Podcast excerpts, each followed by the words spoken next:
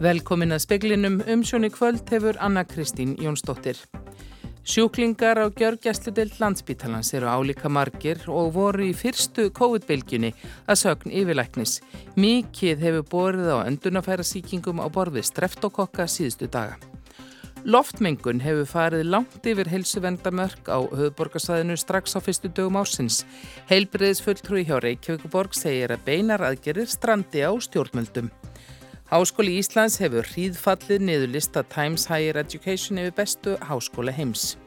Á annað þúsund stuðningsmenn fyrirverandi fórsta Brasilíu er í haldi lauruglu vegna rannsóknar og áhlaupi þeirra á aðstu stofnanir landsins. Og lauruglu er ekki heimilt að stopna til tálbeitu aðgera en hún má stíga inn í samskipti batna við mynda gerendur.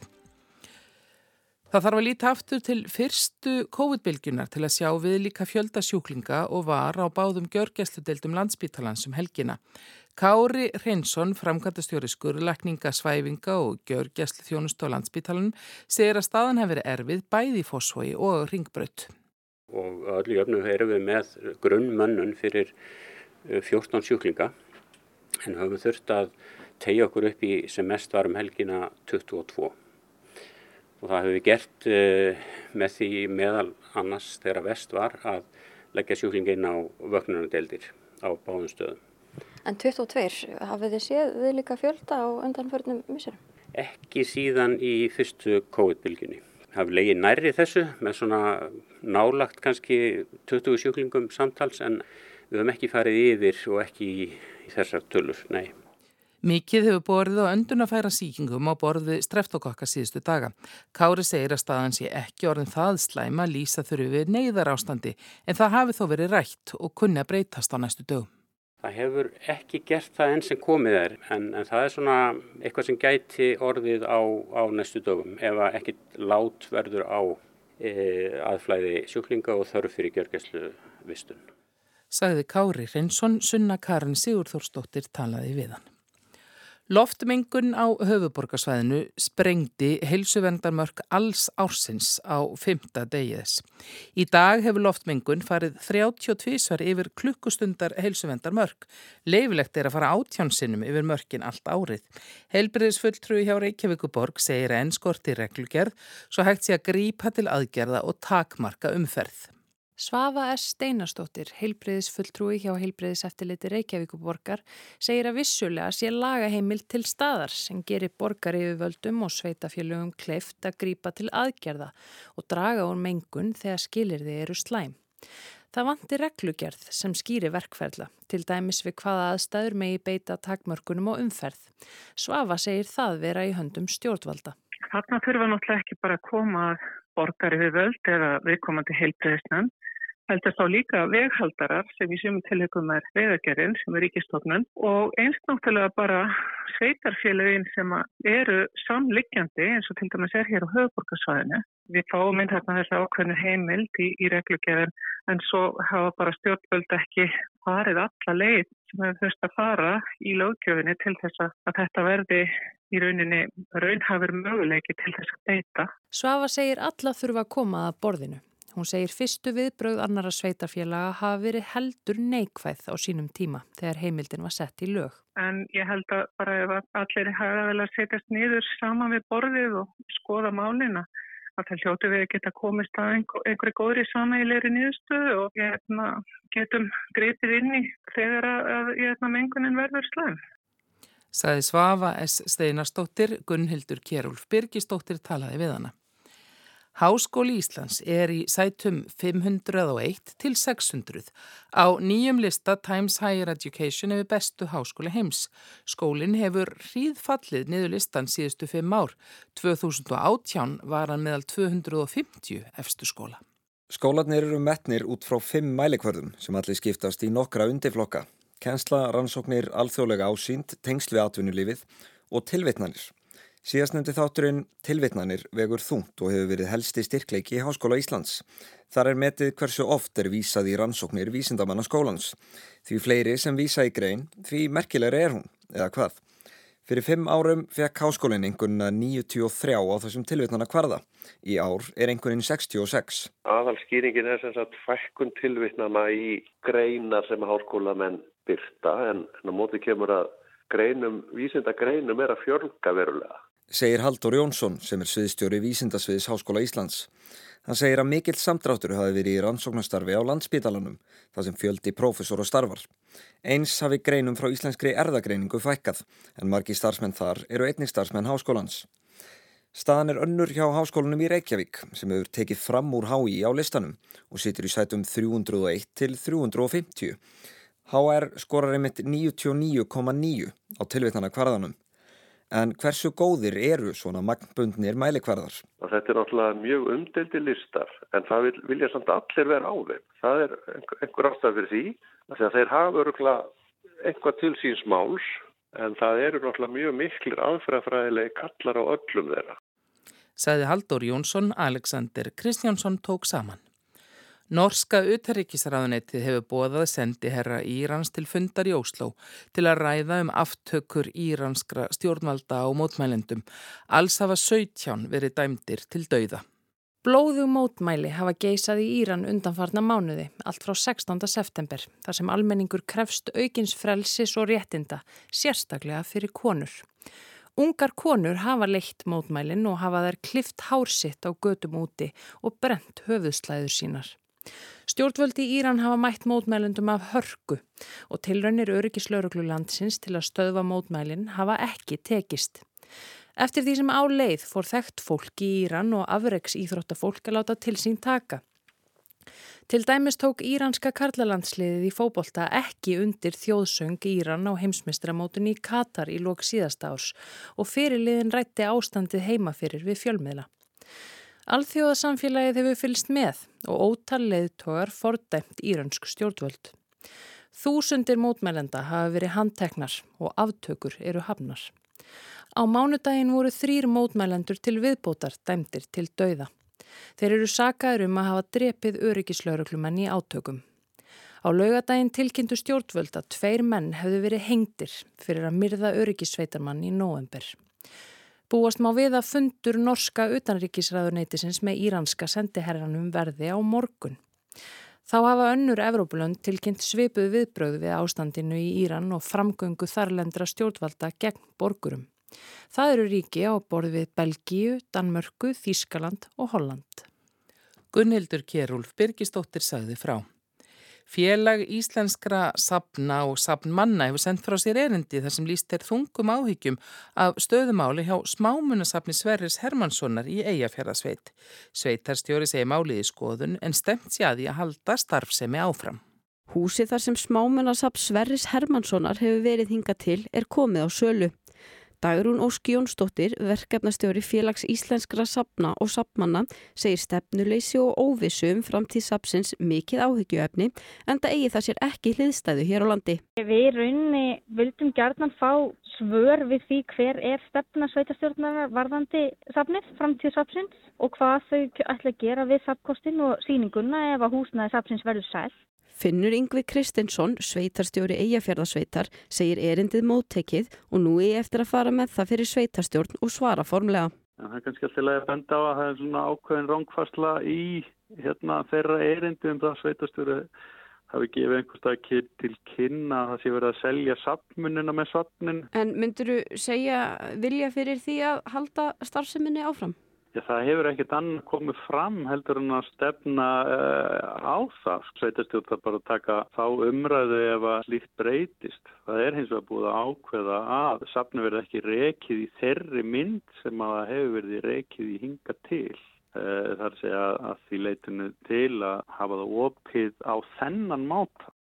Saði Finnur Yngvi Kristinsson, Amanda Guðrún Bjarnandóttir tók saman.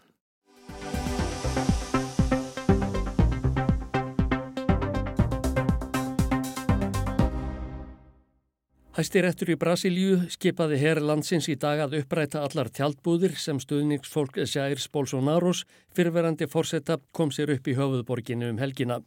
Herrin fær sólaring til verksins. Þá hefur rétturinn leist í Banes Rocha, hérastjóra í Brasilíu, héraði frá stölfum í þrjá mánuði fyrir að hafa ekki komið í vekk fyrir óerðir sem brutust út í höfuðborginni í gær. Þá rutti stuðnir fólk Bolsonarós, svo kallaðir Bolsonaristar, sér leiðin í Þinghúslandsins, hæstarétt og skrifstofu fórsetans og allir þar margvíslegum skemdum. Listaverk voru rifin niður af veggjum, húsgagn molvuð og rúður brotnar í fórsetahöllinni, svo nokkuð sé nefnt. Brasilískir fjölmiðlar áætla að um 3-4 þúsund manns hafi tekið þátt í áhlaupinu. Öryggisveitir sem áttu að geta öryggis stjórnsíslubyggingana fengu ekki við neitt ráðið. Stjórnvöld lístu því yfir í dag að aðgerðir bólsonaristana í gær væri flokkaðar sem hriðjuverk. Í Banes Roka hérastjóri bað Luis Ignacio Lula da Silva fórsetta afsökunari gerkvöld á atbyrðunum, sumulegðis Artur Lira fórsetta hæstaréttar og Rodrigo Pejero fórsetta efriðeldar þingsins. Hann sagði að slikt ætti ekki geta gerst og væri með öllu ólíðandi. E o que aconteceu hoje na nossa cidade foi simplesmente inaceitável. Hérastjórin bætti við að hann hefði síðustu daga verið í sambandi við Flavi og Dino, ráð þeirra dómsmála og almannaöryggis og þeir hafi verið sammála um að árás að þessu tægi væri ekki yfirvofandi þrátt fyrir liðsafnað bólsónaristana. Hann hétt því að öllum steinum erði veltið til að ná til höfuð pöra árásarinnar. Treystið mér, treystið líðræðinu í stjórnsíslu hverfinu, stort knús á brasilísku þjóðina, sagði Ibanes Rocha. Contem comigo, contem com a democracia no Distrito Federal. Grande abraço a todo o povo brasileiro. Lula da Silva fórseti var stattur í São Paulo þegar Bolsonari-starnir réðust á þingkúsið, hæstarétt og fórsetaskrifstóriðnar. Hann sagði að fasískir brjálaðingar hefðu verið að verki. Fólkið sem stóðað áhlaupunum mætti vita að það yrði handtekið og láti svara til saka fyrir gjörðir sínar fyrir dómi. Einnig yrði haft upp á þeim sem hefðu fjármagnað aðgerðir skemdarvarkana. Þeir yrðu einnig látnir gjalda fyrir sinn þátt í óerðunum. E nós, inclusive, vamos descobrir quem são os financiadores desses vândalos que foram a Brasília. Lóregla hafiði síðdeis handtekið 1200 manns sem tóku þátt í aðgerðunum í höfuðborginni í gær.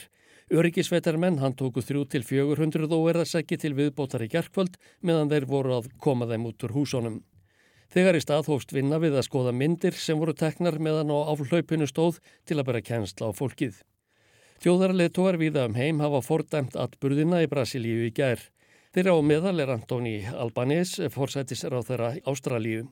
Tragically, we've seen here actions that look a bit similar to what happened at the US Capitol building on January 6 after the election of President Biden. It's important that we respect democratic processes. Því miður er eitt og annað sem minnir á það sem gerðist í þinghúsinu í Washington 7. janúari hittið fyrra eftir að Joe Biden var kjörinn fórseti. Það er mikilvægt að við verðum líðræðislegar leikreglur, saði Antoni Albanese. Fleiri hafa bent á að aðgerðir bolsonaristana minni um æði margt á framferði stuðnismanna Donald Trumps sem neytaði að fallast á að hann hefði tapað fyrir Joe Biden í fórsetakostningunum 2020. Þá er það skoðun margra að Sjæir Bolsonaro hafi sjálfur staðið á bakvið árásina. Þeirra á meðal er sjóa á Gómez Cravinho, utanrikis ráð þeirra Portugals. Sem dúvida nenhuma que uh, o ex-presidente Bolsonaro uh, tem responsabilidade. A voz dele é ouvida por estes uh, manifestantes antidemocráticos. E, portanto... Það er engin vafi á að Bolsonaro fyrirverandi fórseti á þarna hlutað máli, saði Cravinho. Þessir andlýðræðislegu mótmælendur hlusta á hann og þess vegna er afar mikilvægt að hann láti í sér heyra og afnetti þeim atbörðum sem eiga sér stað í Brasilju um þessar mundir. Það er ósk aðstur áða mannalandsins að hann stýji fram og láti sér heyra. Sjæri Bolsonaro hefur dvalið í bandaríkjunum frá því skammu fyrir áramót og var ekki viðstattur þegar Lula tók við fórseta embættinu á nýjárstag. Hann fordæmdi aðgerðir stöðnismanna sinna í Twitter færslu í gerðkvöld og neytaði einn dreigið ásökunum um að hann hefði staðið á bakviðar. Að sögnu frétta miðla Vestanhafs hefur verið skorað á Joe Biden fórseta að framsalja Bolsonaro til Brasilíu. Rannsókn á áhlaupinu í gær hefur staðið í allan dag. Meðal annars þarf að kanna hvort lögregla hafi átt þátt í því. Á frettamyndum sést að sumur lögreglumenn rættu við óláttaseggina og leiðbeindu þeim jafnvel um hvernig best væri að komast inn í þinghúsið og hæstarétt. Þá hefur lögregla verið gaggrind fyrir að hafa ekki verið með næginlegan viðbúnað þegar bólsónaristarnir réðust gegninni og brautu sér leið inn í aðsetur aðstu stopnana landsins. Áskir Tómasson tók saman.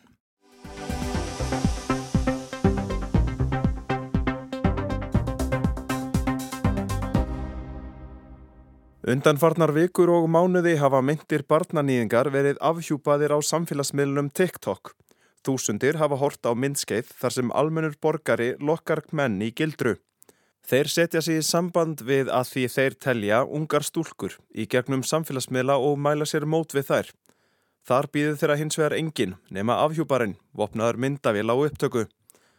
Efnið hefur fengið gríðar mikla dreifingu, þúsundir hafa séð myndskeiðin og byrtar eru persónu upplýsingar um þá sem ganga í gildruna. Skemst er að minnast tálbeitu aðgerða sem fréttaskýringaþátturinn Kompás reyðast í árið 2006 þar sem fimm karlmenn fóru á heimili ólögraða stúlku að þér virtirt í kynferðslegum tilgangi. Kompás laði öllgögg fram til lauruglu þá og ákjara var gefin út gegn þremur þeirra. Hins vegar síknaði hérastómur Reykjavíkur og hæstiréttur þremenningana. Dómurinn taldi ekki heimilt að nota gögnin og að vafi leki á hvort heimilt væri að byggja rannsókn á gögnum sem abla væri með tálbeitu aðgerðum. Lörgla hefur fengið gögnin afhendi í málnu sem nú er til skoðunar. En hvað má lörglan gera við slíkar upplýsingar? Halda þær vatni fyrir dómi? Marja Rún Bjarnadóttir er verkefnastjóri hjá Ríkislörglustjóra. Hver er áreðanleiki upplýsinga sem almenningur, fólk út í bæ, útvegar?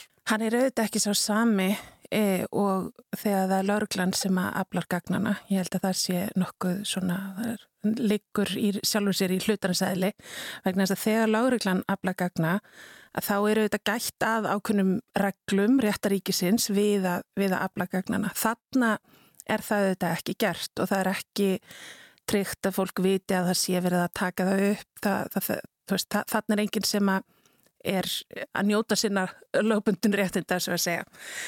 En það er hins vegar þannig á Íslandi að það er frjálst sönnunum að dómara. Þannig að við erum ekki með þessa reglur til dæmis eins og í bandaríkunum þar sem er hægt að komi vekk fyrir eitthvað gögsi og lög fram fyrir dóm vegna þess að þeirra var aflað með ólumættum hætti. Þannig að það er hægt að leggja fram gögn sem að aflað er með ólumættum hætti og svo eru það dómaran að meta það hvort og hvert sönnunagildi slíkra gagna er í öðrum málum, annars konar glæbamálum, að þar er lögurlega stiðjast stundum við, ég segjum til dæmis upptökur úr eftirlitsmyndavelum eða eitthvað svona gögnum út í bæ, getur maður sagt, en þetta er einhvern veginn gilda önnur lögmál hvað þessi mál var þar? Ég held að það sem er kannski svona eðlisólíkt við þessi mál, það sem eru svona tálbeitu mál, er að brotið erði ekki framið nema að þessi aðgerð myndi eiga sér stað. Hins vegar þegar við erum til dæmis að nota myndir úr eftirlitsmyndavélum sem að sína eitthvað atbyrð þegar hann gerðist að þú veist að þær myndir myndi eiga við hvernig sem að málið hefði komið til eða ekki.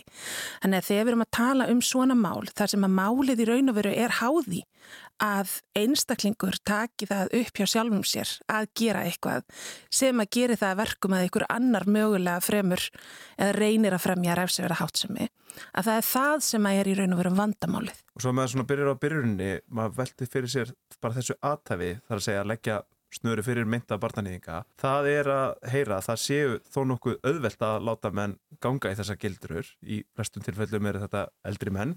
Hvað svona segir það okkur? Já, það getur sagt okkur rosalega margt og ég held að fæstaði sé eitthvað sérstaklega jákvæmt. Ég held að eitt það sem það segir okkur, það er að þetta fólk er ekki að leita sér aðstöðar. Núna er komið úrraði fyrir fólk sem hefur svona uh, kendir uh, og það heitir taktusgrefið og það er hægt að fá upplýsingar um það til dæmis á 1.2.is þar sem eru ímiskunar úrraði aðgengileg fyrir gerindur í kynfyrsbrotamálum og það segir okkur líka að fólk eru auðvitað umgangast samfélagsmiðla með mjög svona hverstagslegum hætti. Þannig að alls konar samskipti eiga sér stað þar í kannski mæli sem að við svona sem að erum kannski ekkit að nota samfélagsmiðla í einhvern svona misjafnum tilgangi, kannski gerum okkur ekkit endilega alltaf grein fyrir. Og ég held að veri gott líka fyrir alla fóreldra að velta fyrir sér hvernig börnum þeirra er að nota samfélagsmiðla. Og það eru aftur á 1.2.is gríðarlega gaglegar upplýsingar fyrir fóreldra um að hvernig geta stutt við börnum sín í því að tryggja örgunetnótkun. Við heldum svona stafrannan fóreldrafund í nógumber og þau erindi eru öll aðgengilegin á YouTube síðu Ríkislauglustjóra og ég hvet líka fólk til að skoða það vegna þess að, að, hérna, að við þurfum öll að í raun og veru nota tæknina betur. Við þurfum öll að vera svolítið skinsum og ábyrg í því hvernig við notum tækna og það er ekki bara hægt að segja ó þessi krakkar, þeir, þeir bara guðma veit ekkert hvað er að gera á internetinu það, bara, það er ekkit sérstaklega ábyrg fóröldastefna mm. ef maður segir það sko. Gagnaöflun sem þessi þarf að segja tálbyttu aðferðin, lögurlega segist ekki mæla með því að almenni borgar að leiki þennan leik. Mm -hmm. Hvers vegna ekki?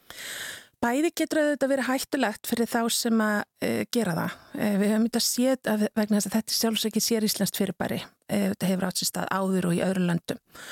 Við veitum um dæmi, ekki hérna, ég ætla ekki að segja þessi hérna frá Íslandi, en það hafa komið upp mál erlendist þar sem að fólk sem er í svona tálpetaðgjörnum að það verður fyrir ofbeldi þeirra sem að þeir eru að leiða í gildru og sömu leiðis vitum við til þess að, að fólk sem hefur verið leitt í gildruna hefur verið beitt ábeldi. Þannig að það er ákveðin svona óvissa þar um, og það eru þetta líka bara hlutverk lauruglunar að, að sinna lögjastlu.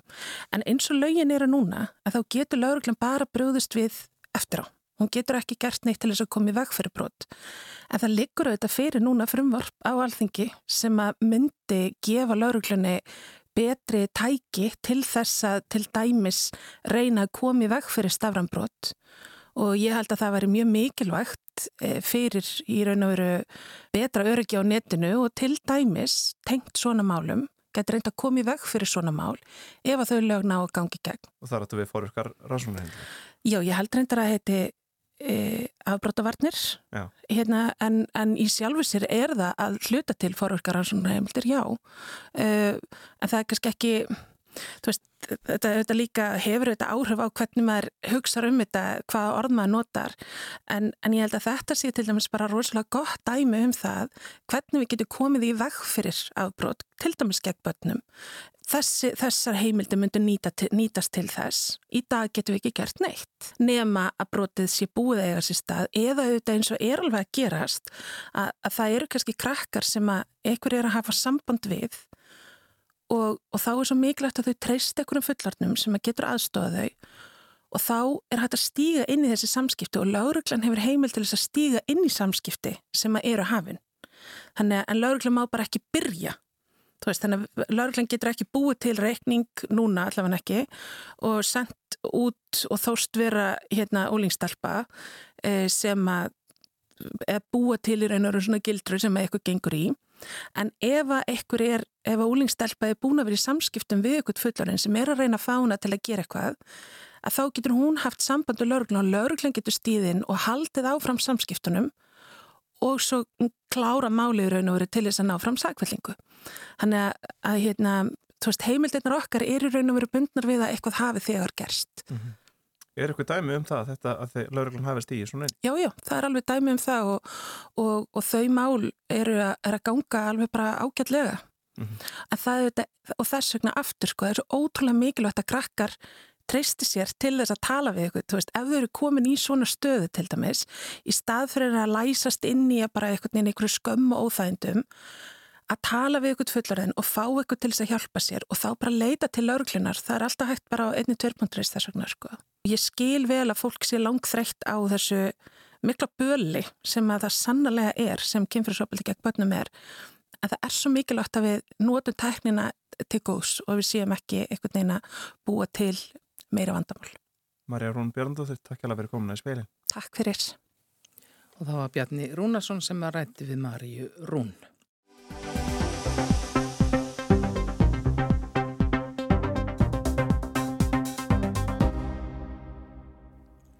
Meðal fræntþjóð okkar á Norðurlöndum hefur borið á nýrið þróun í veitingamennsku. Ungt fólk sækir öðru fremur áfengislaus hús þar sem bara er bóðið upp á kaffu og kökur og þráðlust internet.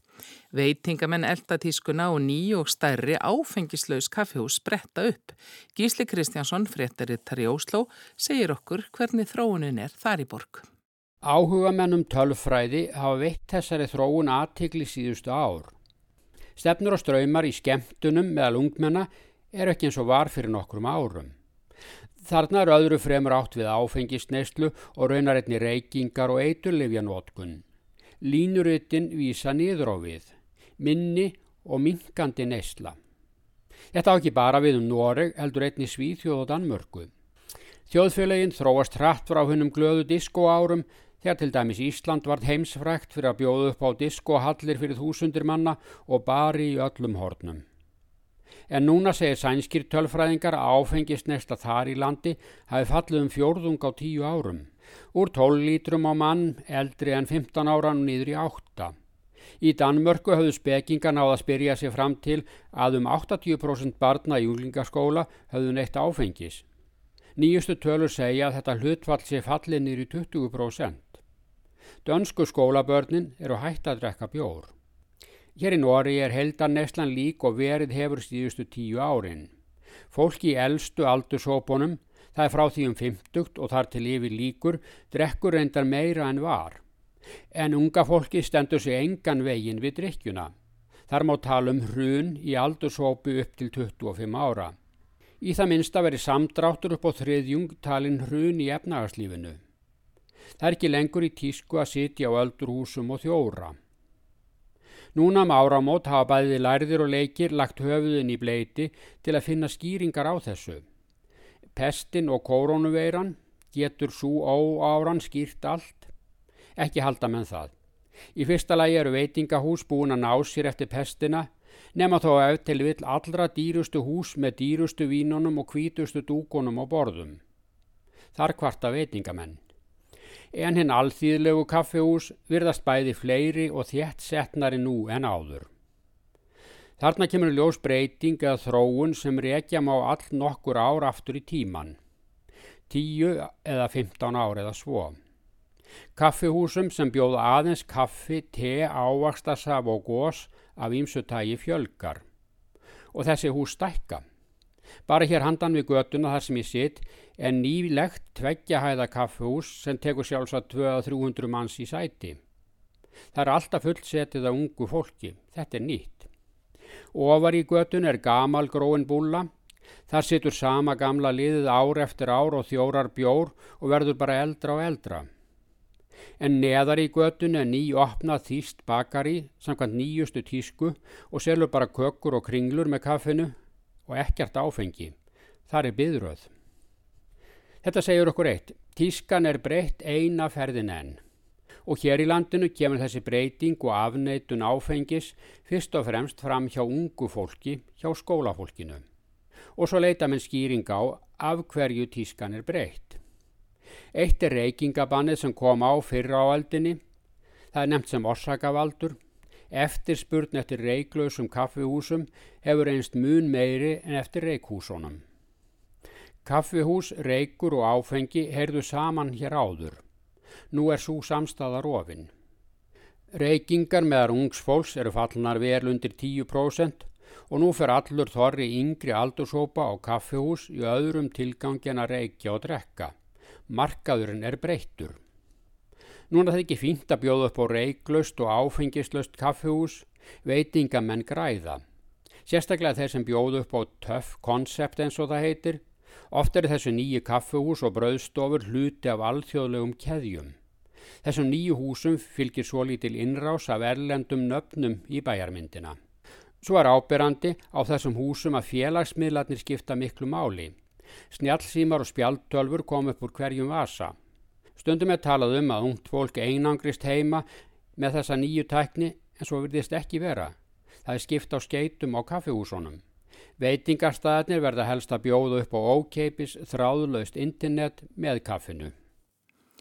Og veðurhorfur á landinu til miðnættis annað kvöld eru þær að það verður allkvöss eða kvöss norðanátt fram á kvöld en norðaustan strekkingur á morgun. Ofan koma á norðverður landinu en yfirleitt þurft sunnanlands. Í speklinu var það helst að sjúklingar á gjörgjæslu til landsbítalans eru álíka margir og voru í fyrstu COVID-bylgjunni. Mikið hefur borðið á öndunarfæra síkingum á borð við streftókokka síðustu daga. Loftmengun hefur færið langt yfir heils, heilsuverndarmörk á höfuborgarsvæðinu strax á fyrstu dögum ársins. Heilbriðs fulltrú hjá borginni segir að beinaraðgerið strandi á stjórnvöldum. Háskóli Íslands hefur hríðfallið niður lista yfir bestu háskóli heims og annað þúsund stuðningsmenn fyrirverandi fórsetta Brasilíu er í haldi lauruglu vegna rannsóknar á áhlaupi þeirra á aðstu stofnanir landsins. Fleir er ekki þættinum í kvöld, tæknimaður var Kormákur Marðarsson veriði sæl.